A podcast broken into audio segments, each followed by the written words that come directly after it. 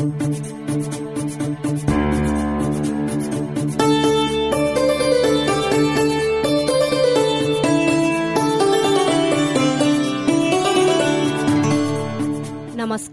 कार्यक्रम साझा आवाजमा तपाईँलाई स्वागत छ।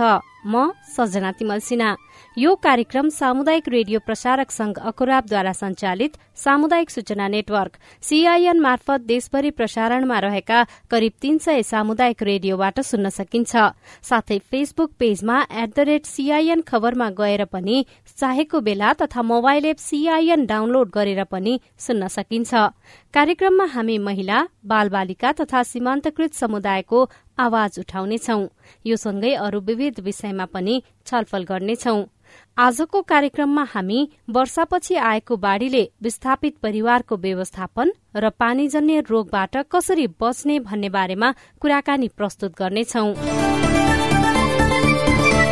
केही दिन अघि परेको वर्षाका कारण ठाउँ ठाउँमा बाढ़ी पहिरो र डुबान भएको छ। वर्षासँगैको बाढ़ीले सप्तकोशी नदीले धार परिवर्तन गर्दा उदयपुरको बेलका नगरपालिकाको एउटा बस्ती नै जोखिममा परेको छ। सुनौ। यो रिपोर्ट। चौतिस वर्षपछि सप्तकोशी नदीको बहाव पुरानै धारमा फर्किएको छ।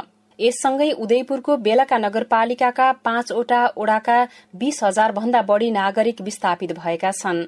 दुई हजार पैंतालिस सालबाट पूर्वतर्फ लागेको नदी अहिले पुरानै स्थानमा फर्किएपछि तीस वर्षदेखि बसोबास गरिरहेकाहरूको घर खेत डुबानमा परेको छ। मेरो नाम चाहिँ चन्द्रकला मगर हो होइन? यो अब यो ठाउँमा बस्दा बस्दै कोसी आयो अब खानेकुराहरू सबै बगाएर लग्दै गयो। अब हामी ज्यान बचाउने साह्रो छ किनभने बालबच्चाहरू छ हामीसँग। तिनीहरूलाई बचाउनै साह्रो छ गाह्रो छ यहाँ अब खोइ के गर्नु? बेलका नगरपालिकाको ओडा नम्बर आठमा पर्ने डुम्रीबोटी नजिकैबाट बस्ती प्रवेश गरेको बाढ़ीले ओडा नम्बर एक दुई तीन र नौमा समेत क्षति पुर्याएको छ। यसअघि दुई हजार पैंसठी साल भदौ दुई गते सप्तकोशी नदीले पूर्वी तटबन्ध भत्काउँदा कोशी गाउँपालिका अन्तर्गत पर्ने हरिपुर श्रीपुर पश्चिम कुसुवा र लौकहीका सात हजार पाँच सय त्रिसठी परिवार विस्थापित भएका थिए। यसपालि पनि कोशीले उदयपुर सप्तरी र सुनसरीका संयौं बस्तीलाई प्रभावित बनाएको छ। मेरो नाम असिला लुरा हो। पहिलाको अवस्थाले यस्तरी यहाँको जनतालाई बनाएको थिएन। अनि यो पूर्व सरिकन अहिले यो बिच टप्पुकोलाई श्रीलङ्का टापु भनेर चिनिन्छ यो ठाउँ अहिले। अहिले यहाँकोलाई यो कोशीले धेरै नाजुक अवस्थामा धेरै पीडित बनाइरहेछ अहिले।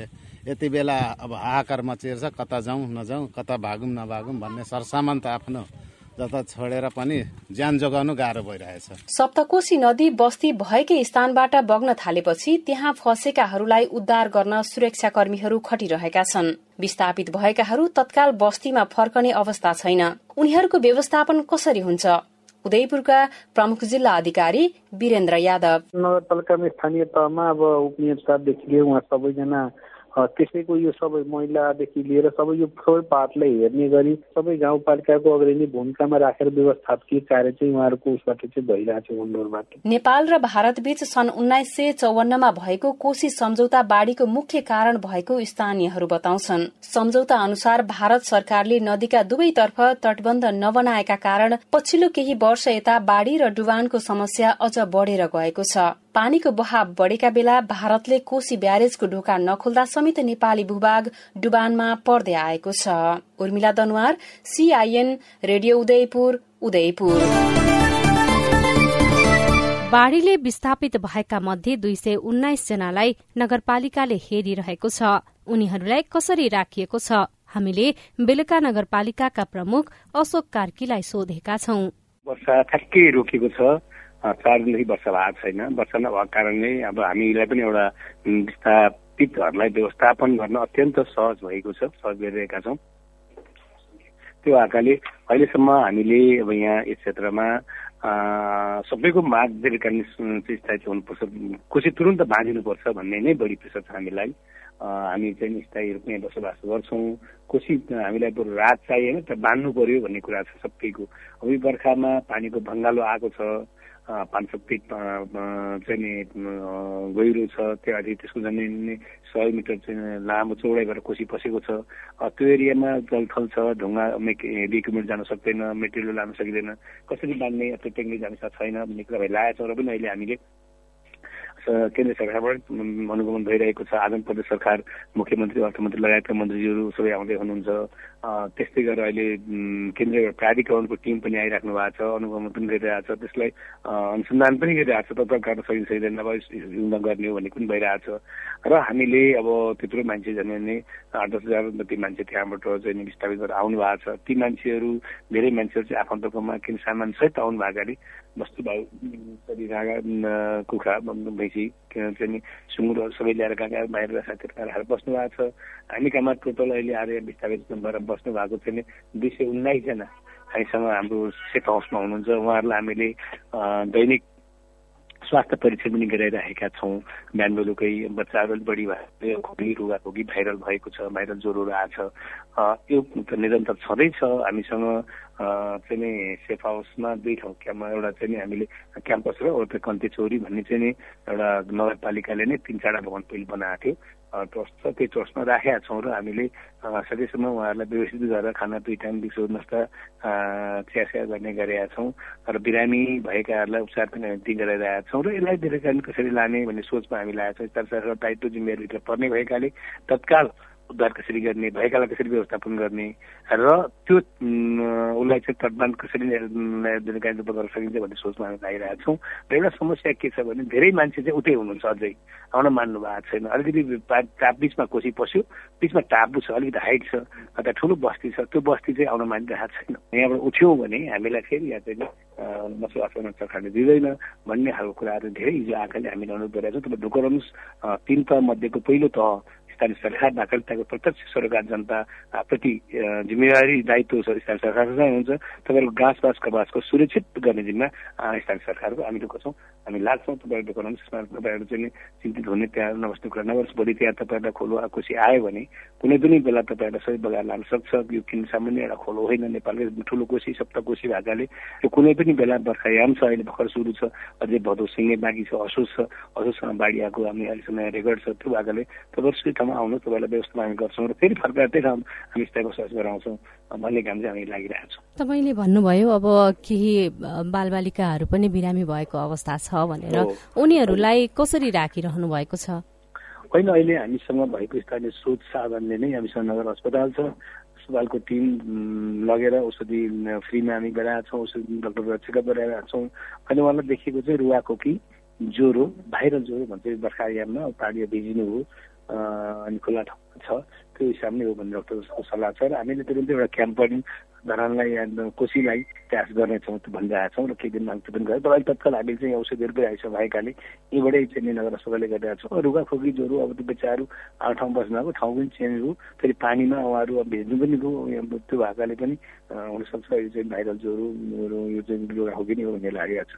र हामीले सकेसम्म उहाँहरूलाई व्यवस्था गरिरहेका छौँ। सँगसँगै गर्भवती सुत्केरी लगायतकाहरू पनि छन् होला यस्तै वृद्ध वृद्धहरू पनि हुनुहुन्छ होला।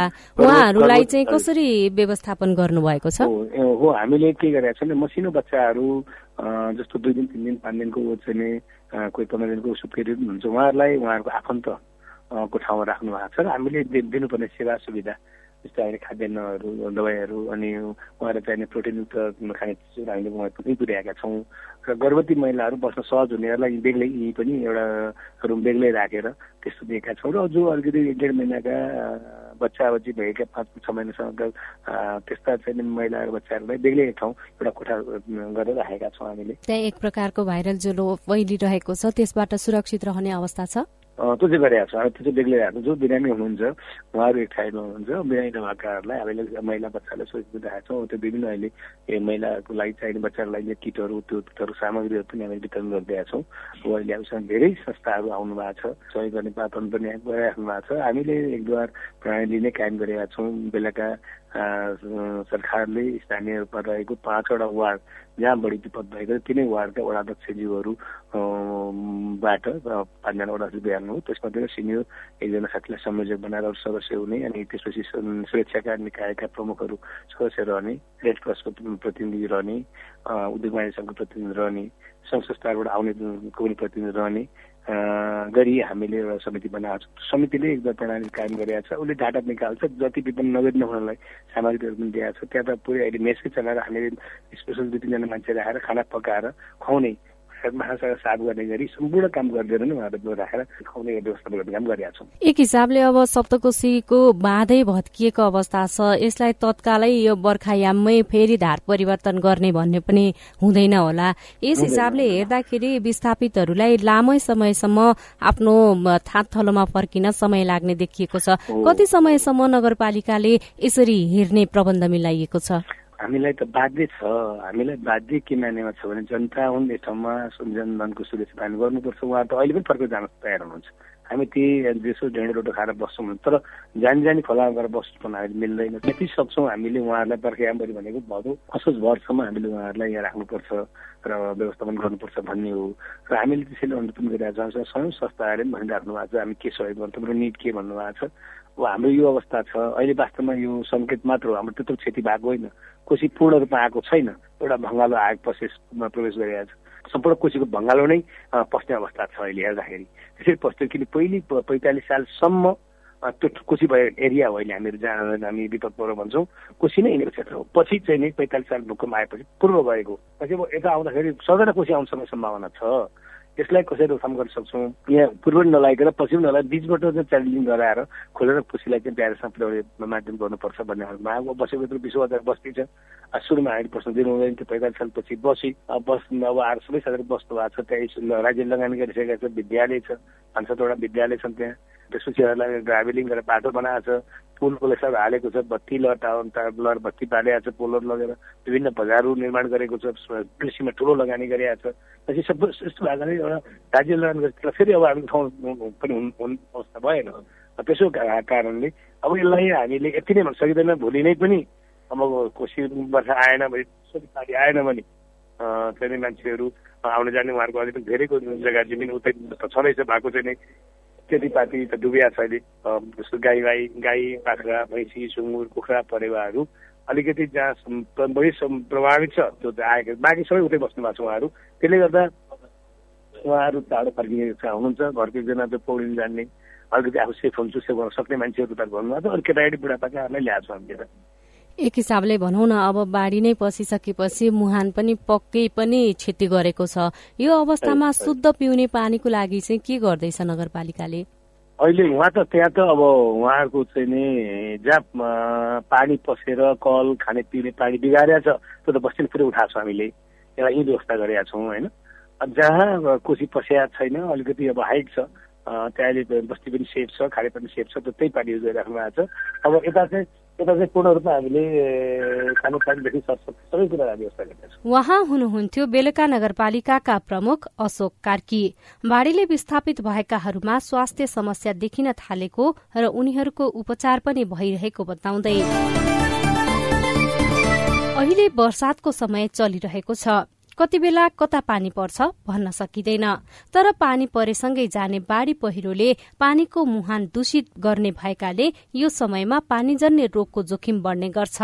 हामीले एकजना संक्रामक रोग विशेषज्ञ डाक्टर जनक कोइरालासँग वर्षातको समयमा हुने पानीजन्य रोगबाट बच्ने उपायबारे कुराकानी गरेका छौं। बर्खामा चाहिँ अब दुई तिनवटा कुराहरू छ एउटा पहिलो कुरा चाहिँ पानी धेरै परेपछि बाढी आउँछ होइन? त्यसले गर्दाखेरि जमिनको पानीहरू जमिनको फोहोरहरू बगेर हाम्रो पानीको स्रोतहरूलाई पानीको मुहानहरूलाई चाहिँ दूषित बनाउँदछ। त्यसले गर्दाखेरि विभिन्न प्रकारका पेट सम्बन्धी रोगहरू झाडा बान्ता भयो यो दिसा पखाला पेट दुख्ने जुका लाग्नेदेखि लिएर अझ साह्रो बनाउने यो टाइफोइडहरू हैजाहरू पनि फैलिन सक्ने सम्भावना हुन्छ। त्यो एउटा हो अर्को चाहिँ यो बाढी आउँदाखेरि भिर पहिरोहरू लड्दाखेरि होइन गाउँहरूको मान्छेहरू चाहिँ आफ्नो घरबार विहीन भएर सर्नुपर्ने हुन्छ अथवा कतितिर गएर अब धेरैजना भिडभाडमा बस्नुपर्ने हुन्छ। त्यसबाट पनि विभिन्न प्रकारको रोगहरू चाहिँ भिडभाडबाट हुने एक व्यक्तिबाट अर्को व्यक्तिमा सर्ने रोगहरू चाहिँ फैलिन सक्ने सम्भावना हुन्छ। विशेष गरी बाढी गएको ठाउँका नागरिकहरूले के कुरामा चाहिँ ख्याल गर्नुपर्छ? सबभन्दा पहिलो कुरा चाहिँ खाने पानी दूषित हुन जान्छ अथवा बाढीबाट अरू ठाउँमा गएर बस्नु पर्यो भने फोहोर पानी पानीको स्रोतहरू फोहोर अथवा सफा पानी यो दूषण नभएको पानी पाउनलाई गाह्रो हुन सक्छ त्यसकारण त्यसरी कहिले पनि यदि चाहिँ पानी दूषित हुने सम्भावना छ बाढीले आएर भयो अथवा धेरै ठुलो पानी परेर कुवा इनार र अरू प्रकारका पानीको स्रोतहरू जुन चाहिँ दूषित भएको हुन्छ त्यस्तो छ भने त्यस्तो पानीलाई चाहिँ उमालेर खाने अथवा त्यसमा चाहिँ उमाल्नलाई सकिँदैन भने यो क्लोरिन पाउँछ। त्यो क्लोरिन चाहिँ झोलको रूपमा पाइन्छ होइन यो मेडिकल पसलहरूमा फार्मेसीहरूमा पाइन्छ। त्यसमा गएर चाहिँ त्यो माग्यो भने पानीलाई सफा गर्ने एक किसिमको चक्की अथवा झोल पदार्थ हुन्छ त्यसलाई हाल्यो भने पनि त्यसबाट पनि सफा त्यसले चाहिँ किरालाई मार्छ। अझ सबभन्दा राम्रो चाहिँ पाँच मिनटसम्म उमाल्यो भने चाहिँ विभिन्न प्रकारका कि किराहरूदेखि लिएर यो किटाणुहरूदेखि लिएर यो जुकाहरू जस्तो चिजहरू पनि त्यसले चाहिँ किसिमले मार्छ भनौँ न। त्यो गरेर खायो भने चाहिँ त्यो पानी चाहिँ दूषित पानीलाई सफा गर्न सकिन्छ। अथवा पिउन योग्य बनाउन सकिन्छ। तपाईँले जसरी पाँच मिनटसम्म उमाल्ने कुरा गर्नुभयो पानी उमाल्न नसकेको खण्डमा पियुस क्लोरिनको प्रयोग गर्न सकिन्छ भन्नुभयो तर पानी उमाल्ने अवस्था पनि छैन अनि यो पानी शुद्धिकरणको लागि आवश्यक पर्ने चिज पनि छैन भने कसरी आफ्नो स्वास्थ्यको ख्याल गर्न सक्नुहुन्छ प्रभावितहरूले? अब अर्को भनेको चाहिँ पानीलाई फिल्टर पनि गर्छन् आजकल होइन? तर फिल्टर गरेको पानी चाहिँ हेर्दाखेरि सफा देखिन्छ। त्यसबाट चाहिँ यो धुलो मैलो गिलोहरू अरू अरू पदार्थहरूलाई त्यसले निकालेर पानी अलिकति सफा जस्तो देखिए पनि त्यो पानीलाई चाहिँ सफा मान्न सकिँदैन किनभने त्यो किटाणुहरू चाहिँ त्यसमा अझ पनि हुनसक्छ त्यसले गर्दा सबभन्दा सजिलो उपाय चाहिँ उमाल्ने नै हो। नत्र भने अब पानीको चाहिँ कस्तो स्रोतमा जानु पर्यो नि जहाँ चाहिँ दूषित भएको छैन। त्यस्तो नै स्रोत नै खोज्नु पर्यो। अब अर्को भनेको यो बजारमा पाइने बोतलमा जारमा पानी किनेर खाने चलन पनि छ। त्यो पनि धेरै जसो सफा नै हुन्छ होइन? अधिकांशलाई टेस्ट गर्दाखेरि सफा नै हुन्छ। तर अहिले हालसालै नासले अनि त्यसपछि यो इडिसिडीले हाम्रो नेपालको पानीहरू काठमाडौँको पानी भन्नु विशेष गरी जाँचेर हेर्दाखेरि अलिकति केही मात्राको पानीहरू चाहिँ दूषित देखिएको छ। त्यसले गर्दाखेरि हामीले जारको पानी बोतलको पानीहरू किनेर खाँदाखेरि पनि कुन चाहिँ अलिकति कम मात्रामा दूषित छ त्यो हेरेर हामीले खानुपर्ने हुन्छ। त्यसमा पनि एउटा यो रेजिस्ट्रेसन गरेको छ कि छैन त्यसको क्वालिटी कन्ट्रोल गरेको छ कि छैन भनेर चाहिँ बोतलमा लेखिएको हुन्छ। त्यसमा रेजिस्ट्रेसन गरेको नगरेको कुरालाई चाहिँ हेरेर खाने गर्नुपर्दछ। जस्तै यो बाढी प्रभावित क्षेत्रकै हामीले कुरा गरिरहँदाखेरि उदयपुरको बेलका नगरपालिकामा कोशी नदीले नै धार परिवर्तन गर्दाखेरि एउटा ठाउँ क्षति भएको छ। त्यहाँका नागरिकहरू विस्थापित भएका छन् र जहाँ विस्थापित भएका छन् उनीहरूमा चाहिँ यो ज्वरो आउने रुगा लाग्ने लगायतका समस्याहरू देखिएको छ भनेर पनि त्यहाँका नगरपालिका प्रमुखले हामीसँगको कुराकानीमा भन्नुभएको छ।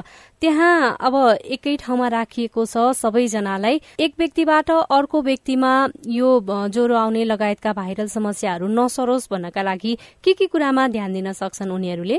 अब यसमा व्यक्तिहरू एकै ठाउँमा बस्दाखेरि एकअर्कामा सर्ने मुख्य गरी चाहिँ यो पेट सम्बन्धी नै रोगहरू धेरै हुन्छ भन्नाले झाडा पखालादेखि लिएर यो टाइफोइड जस्तो किसिमको रोगहरू पनि खाना र पानीबाटै सर्ने रोगहरू नै सर्ने हुन्छ। त्यसको लागि सबभन्दा ठुलो कुरा चाहिँ हात धुने। हातलाई यो साधारण कुरा जस्तो सुनिन्छ तर धेरै जसोलाई यसकै कारणले रोग लाग्छ।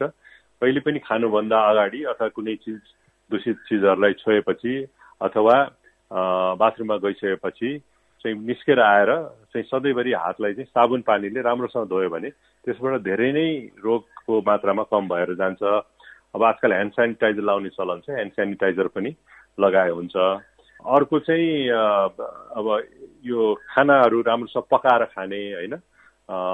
बासी खाने कुराहरू अब रेफ्रिजरेटर छ भने त रेफ्रिजरेटर राखेकोले चाहिँ कम दूषित हुने सम्भावना हुन्छ। छैन भने चाहिँ बाहिर राखेको खानेकुराहरू चाहिँ राम्रोसँग पकाएर राम्रोसँग तताएर राम्रोसँग पकाएर मात्रै खाने गर्यो भने चाहिँ त्यसबाट पनि कम हुने सम्भावना हुन्छ। विशेष गरी चाहिँ अब बच्चाहरूमा चाहिँ समस्या देखिएको छ भनेर पनि उहाँले भन्दै हुनुहुन्थ्यो। बच्चाहरूलाई कसरी जोगाउने यो रोगहरू सर्नबाट? अब बच्चाहरूलाई पनि अब हामी सबैले गर्ने जस्तै आफूले आफ्नो बानी व्यवहार सिकायो भने उनीहरूले पनि सिक्छन्। अब हात सधैँभरि धोएर मात्रै खाने गर्नुपर्छ भनेर सिकायो भने हात धोएर मात्रै खाने चलन भयो एउटा। किनभने बाहिर गएर खेलेर आउँछन् होइन? बाहिरतिर माटो साटो फोहोरहरू सबै छोरा आएको हुन्छन् केटाकेटीहरूले। तर घरमा आउने बित्तिकै हात खुट्टा धुनुपर्छ हात नधोइकन खानु हुँदैन। बाहिर गएर यो टोइलेट गइसकेपछि चाहिँ आएर फेरि हात धुनुपर्छ साबुन पानीले भनेर सिकायो भने। त्यसैबाट सबैजनाले सिकेर जाने हो। अर्को चाहिँ यो केटाकेटीहरूमा साथै हुलभिड भएर बस्दाखेरि अहिले चाहिँ अर्को सर्ने रोग चाहिँ के छ के पनि छ भने कोभिड पनि फैलिरहेको छ नेपालमा। अघि त्यसैले गर्दाखेरि यो कोभिड सम्बन्धी पनि अलिकति होस गर्नको लागि धेरैजना एकै ठाउँमा बसेका छ भने अथवा भिडभाडमा जानु पर्यो भने मास्क लगाउने पनि अब मैले केटाकेटीहरूले पनि मास्क लगाएर राम्रैसँग लगाएर हिँडेर देखाएको छु त्यो पनि सिकाउनु पर्ने भयो यिनीहरू नै हो। अर्को चाहिँ यो यो पानीहरू परेको बेलामा जताततै पानी जमेर मच्छरको सङ्ख्या बढेको बेलामा अर्को चाहिँ यो मच्छर सम्बन्धी लामखुट्टे सम्बन्धी सर्ने रोगहरू पनि देखा परिरहेको छ। यो यो अहिले यो डेङ्गी भन्ने रोग चाहिँ फैलिरहेको छ काठमाडौँ उपत्यका पनि फैलिरहेको छ बाहिरतिर पनि फैलिरहेको छ। त्यसैले यो लामखुट्टेहरू पनि बढ्न नदिने लामखुट्टे बढ्ने ठाउँ लामखुट्टेले फुल पार्ने ठाउँ जुन चाहिँ छ पानीहरू जमेको ठाउँ त्यस्तोहरूलाई जम्न नदिने जमेको पानीहरूलाई हटाउने होइन? अब गमलैमा पनि पानी जमाएछ भने त्यसलाई चाहिँ पोखिदियो भने त्यसमा लामखुट्टे बढ्ने सम्भावना कम हुन्छ झाडीहरू छ घरको छेउ छ भने त्यसलाई हटाउने। त्यो कुरा पनि ध्यान दिनु पर्ला र घरभित्र लामखुट्टे छ भने लामखुट्टे मार्ने कुनै किसिमको चाहे त्यो लामखुट्टेको धुप बालेर भओस् अथवा लामखुट्टेको स्प्रे गरेर होस् लामखुट्टेहरूलाई मार्ने अथवा झुल्लाएर सुत्ने गऱ्यो भने यो डेङ्गी जस्तो रोगहरू पनि सर्ने कम सम्भावना हुन्छ हाम्रो तराईतिर चाहिँ। लामखुट्टेले सार्ने रोग मलेरिया भयो त्यसबाट पनि त्यही किसिमले बस्न सकिन्छ। हुन त आफू एउटा पीडामा छ विस्थापित भएको। तर पनि अहिले जस्तो ठाउँमा बसिराखिएको छ त्यो ठाउँ आसपासको क्षेत्र चाहिँ सरसफाइमा ध्यान दिनुपर्ने हुन्छ। अवश्य पनि ध्यान दिनुपर्ने हुन्छ र यो लामखुट्टेहरू बढ्न नदिनको लागि चाहिँ यो झाडीहरू जस्तो छ नि झारहरू उम्रिएको ठुलो झाडीहरू छ भने त्यसलाई पनि हटायो भने सरसफाइ गर्यो भने त्यसबाट सर्ने रोगहरू कम हुन्छ। र यो फोहोर मैलाको व्यवस्था अर्को चाहिँ हाम्रो फोहोर मैला जताततै फाल्ने जताततै थुक्ने चलनहरू छ त्यो पनि गर्नु हुँदैन। जताततै थुक्यो भने विभिन्न प्रकारको श्वास प्रश्वासबाट सर्ने रोगहरू फैलिनबाट फैलिन सक्छ। जसरी हामीले मास्क लगाएर बचाउँछ एकअर्कालाई त्यस्तै किसिमले थुक पनि जताततै नथुक्ने फोहोर जताततै नफाल्ने फाले पनि त्यसलाई चाहिँ राम्रोसँग केही बोरामा हालेर अथवा झोलामा हालेर चाहिँ राम्रोसँग फाल्ने ताकि त्यसबाट चाहिँ वरिपरिको वातावरण दूषित नहोस्। किनभने झिङ्गा बढ्छ मच्छी लामखुट्टे बढ्छ। त्यसबाट विभिन्न प्रकारका रोगहरू सर्न सक्छ। झिङ्गाले पनि यो यो टाइफोइड जस्तो पेट सम्बन्धी रोगहरूलाई चाहिँ सार्न सक्छ। त्यसले गर्दाखेरि वातावरणलाई सफा गर्यो भने किटा यो किरा फट्याङ्ग्राहरू किरा यो झिङ्गाहरू लामखुट्टेहरू कम हुन्छन् त्यो भयो भने रोगको पनि सर्ने सम्भावना कम हुन्छ। कतिपय अवस्थामा अब तपाईँले आफैले पनि जोडिहाल्नु भयो पछिल्लो समय कोरोना भाइरसको संक्रमण दर पनि बढ्दै गएको छ। यसले अझ भीड़भाड़मा बस्दाखेरि जाँदाखेरि विशेष सावधानी अपनाउनु पर्छ भनेर भनिरहँदाखेरि यो कोरोना भाइरस र सामान्य भाइरल ज्वरोको लक्षण मिल्दो जुल्दो रहेको छ। त्यही भएर पनि कोरोना हो अथवा भाइरल ज्वरो हो भनेर छुट्याउने तरिका केही छ? अब अहिले चाहिँ के छ भने कोरोना बाहेक र टाइफस डेङ्गी भन्ने विभिन्न प्रकारका रोगहरू फैलिरहेको छन् जुन चाहिँ अब गर्मी महिनामा फैलिने रोगहरू नै हुन्। यसको मुख्य चाहिँ कोरोना भाइरसको चाहिँ रुगा लाग्छ अनि यो घाँटी। घाँटी दुख्ने घाँटी खसखसाउने र रुगा लाग्ने र त्यसको साथसाथै ज्वरो आउन पनि सक्छ ज्वरो नआउन पनि सक्छ। त्यो भने चाहिँ कोरोना हो कि भनेर जचाउन ठिक हुन्छ। तर रुगा मार्गी लागेको छैन घाँटी दुखेको छैन भने चाहिँ त्यो सकभर कोरोना नभएर अरू प्रकारको भाइरसहरू अथवा टाइफोइड भनेर भाइरस पनि होइन ब्याक्टेरियाले गराउने रोग हो भनेर बुझ्नुपर्ने हुन्छ अनि त्यसको लागि चाहिँ जचाएर औषधि खानुपर्ने हुन्छ अधिकांश जस्तो देख्छौ घरमै सामान्यतया अलिकति हुने बित्तिकै अस्पताल नजाने सकेसम्म घरमै बसेर म घरेलु उपचार गर्छु भन्नेहरू पनि हुनुहुन्छ कति दिनसम्म घरमै आराम गर्दा पनि निको भएन भने अस्पताल जाने अब त्यसमा चाहिँ के छ भने साधारणतया ज्वरो मात्रै आएको छ अरू कुनै किसिमको लक्षणहरू छैन धेरै कमजोरी छैन भने चाहिँ घरमा बसेर सिटामोल खाएर एक दुई दिनसम्म पर्खे हुन्छ। तर दुई दिनसम्म पछि पनि ज्वरो गएन र धेरै नै पहिलो दिन दोस्रो दिन नै पनि धेरै नै साह्रो पार्यो। भनेको मतलब ज्वरो एक सय दुई एक सय तिनभन्दा बढी नै आयो अथवा धेरै नै कमजोरी बनायो उठ्नै नसक्ने भयो। धेरै नै बान्ताल आयो धेरै नै झाडा भयो होइन झाडा पखाला भयो।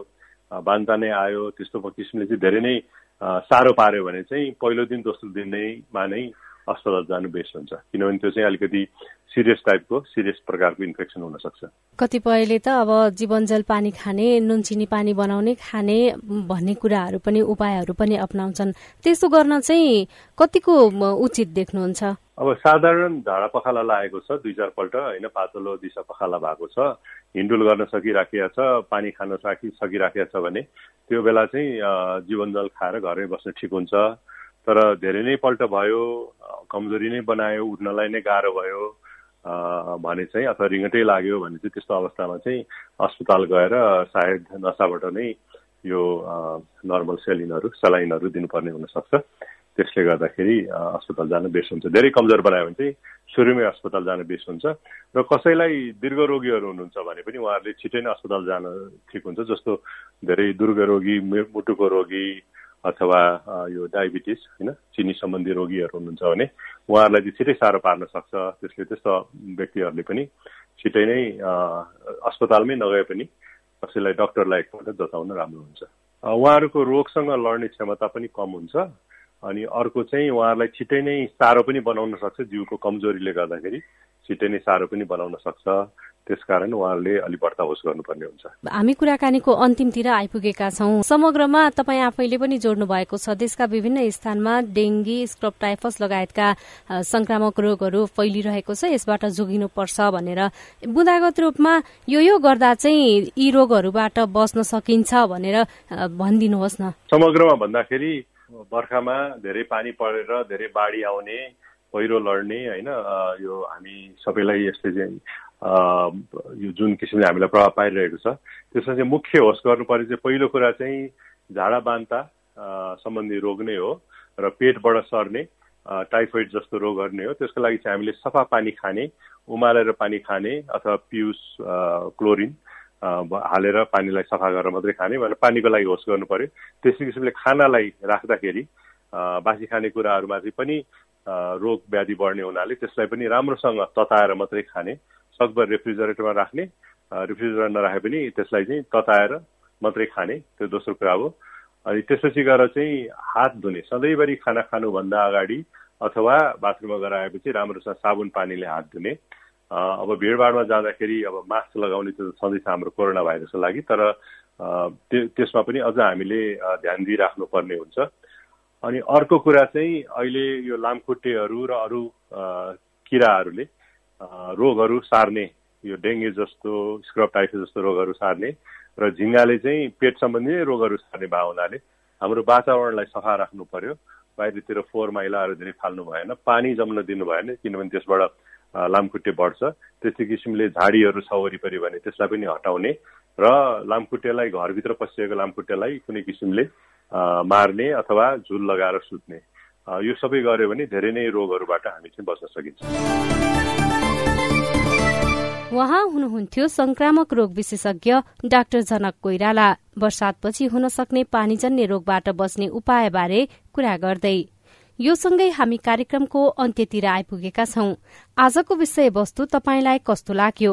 कार्यक्रममा कस्ता विषय उठान गर्नु पर्ला हामीलाई सुझाव दिन सक्नुहुनेछ। हाम्रो टेलिफोन नम्बर शून्य एक बान्न साठी छ चार छमा फोन गरेर आफ्नो प्रश्न जिज्ञासा गुनासा अनि समस्या रेकर्ड गर्न सक्नुहुन्छ। साथै हामीलाई Facebook page community information network सीआईएनमा गएर पनि आफ्ना कुरा लेख्न सक्नुहुनेछ। हामी तपाईँको प्रतिक्रिया पर्खिरहनेछौ। आजलाई कार्यक्रम साझा आवाजबाट प्राविधिक साथी सुभाष पन्तसँगै सजना तिमल सिना विदा हुन्छु। Namaskar.